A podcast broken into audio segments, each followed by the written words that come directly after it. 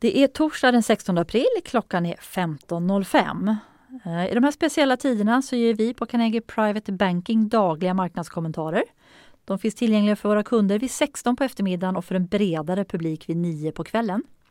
Mitt namn är Helena Haraldsson och jag är makro och omvärldsanalytiker.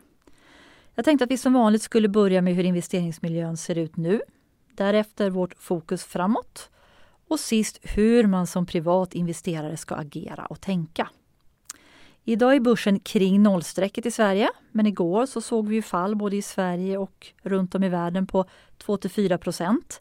Då vi återigen skrämdes lite av ett fallande oljepris och svagare konjunktursignaler från USA.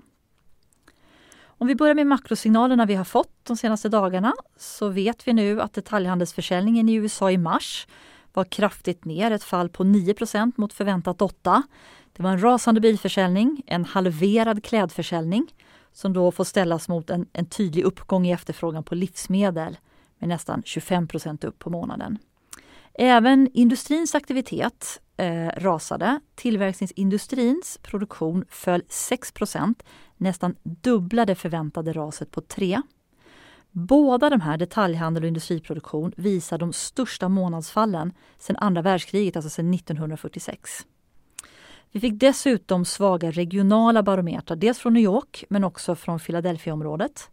Klart sämre nivåer än vid finanskrisen. Också svagare bygg och bostadsindikatorer nu när stora delar av ekonomin är nedstängd. Vi vet att det rasar, den ekonomiska aktiviteten, men det här bekräftar ändå att det sker mycket snabbt och mycket stort. Det som också bekymrade de finansiella marknaderna det var oljepriset som föll 6,5 procent igår från 30 till ungefär 28 dollar per fat. Orsaken här det var att IEA, Energimyndigheten, kom med en svag prognos för den globala efterfrågan när världsekonomin nu krymper. De ser ungefär 10 miljoner fat per dag i lägre efterfrågan i år än 2019. Och bara i april då så ska vi se en ganska kraftig dipp i efterfrågan på nästan 30 miljoner fat per dag.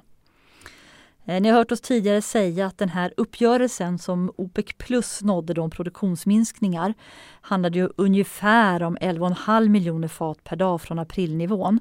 Och det här tror då vårt oljeteam kan lägga ett golv för oljepriset runt 25 dollar per fat och därmed också då förhindra en krasch i oljepriset så länge det finns lagringsmöjligheter. Vi har också fått lite nyheter kring nedstängningar i ekonomierna till följd av corona. Den mest uppmärksammade häromdagen, det var nog Merkels plan för Tyskland som innebär en, en så sakteliga uppöppning. Man börjar med att skolor, frisörer och småbutiker får öppna i maj, början av maj. Medan restauranger, barer och hotell, de är stängda tills vidare. Och det som är förbjudet åtminstone till september, det är stora folksamlingar. För börsen så är det så att de gillar alla tidsplaner om än försiktiga. Alltså återgång till normalitet är positivt. Här är testkapacitet i olika länder väldigt viktigt. Det kommer vara avgörande för hur snabbt man kan öppna upp. Allt då för att minska risken för en stor andra virusvåg. Om vi tittar lite framåt då så har vi fått en upprekyl på, sen börsbotten då i slutet på mars på över 25 procent. Det är en av de största rallyna i en bear market sedan 1950. Det här talar ju då för att det kan vara dags för en nedrekyl och kanske en mer slagig utveckling här de kommande månaderna. Vi har ju tidigare talat om att det kan ta ett tag att hitta en börsbotten och det här bekräftas väl av att det här orosindexet, VIX på amerikanska börsen, nu faktiskt har stigit lite igen. Det nådde ju under 40-nivån och nu är det tillbaka strax över.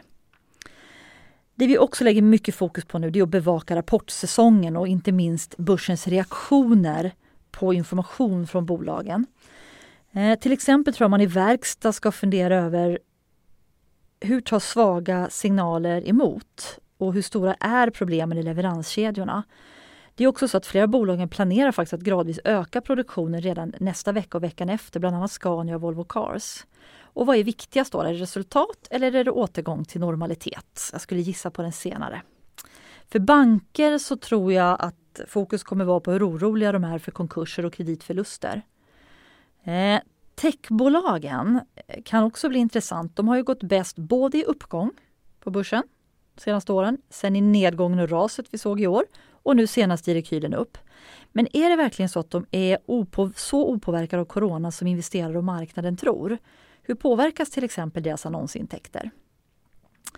Det viktiga här i rapportsäsongen det är ju hur mycket av svagheterna vi kommer få se nu i mars och framförallt andra kvartalet och kanske tredje är temporära. Och vad kan vi få se för mer bestående effekter och hur ställer sig de då till de buffertar som bolagen har? Eh, våra råd kring hur man ska agera som privat investerare, ja det är att vi har tidigare talat eller berättat att vi har en normal aktievikt så nu följer vi med börsen upp. Men vi bevakar negativa nyheter och reaktionen på dem. Vi gillar hälsovårdssektorn både globalt och i Sverige, men vi gillar också kvalitetsbolag. I Sverige så kan vi på sikt nog se intressanta möjligheter i småbolag som har släpat efter ganska kraftigt. Men det kanske nya är att i de tryggare delarna av portföljen så har vi nu valt att öka upp exponeringen mot räntebärande investeringar så att vi får övervikt på det, alltså mer vikt än normalt. Och samtidigt då minska vikten till lägre än normalt för alternativa investeringar. Orsaken till det här är ju att efter allt stök på kreditmarknaden i mars så tycker vi nog att värderingsnivåerna ser attraktiva ut. Man prisar in lite för pessimistiskt konkursscenario. Framförallt om vi istället sätter det i ett historiskt perspektiv. Sen är det klart, det finns en osäkerhet om hur lång recessionen blir. Men vi har stora stimulansprogram där centralbanken nu helt unikt stödköper företagsobligationer också. Det har varit ett viktigt argument för den här förändringen och det råd vi ger. För det är ett stöd för kreditmarknaden. Eh, vi känner oss väldigt komfortabla med en mer positiv syn på det tryggare segmentet, kvalitet även här, det som heter investment grade. Men även utsikterna för mer riskfyllda segment som high yield har förbättrat framförallt efter Feds senaste då unika stödköpsprogram. Man ska också notera att alternativa investeringar har klarat sig bättre än räntebärande investeringar under första kvartalet. Eh, den här förändringen vi gör den kommer ske successivt nu mot mer ränteexponering i takt med att vi kan frigöra kapital från de alternativa investeringarna.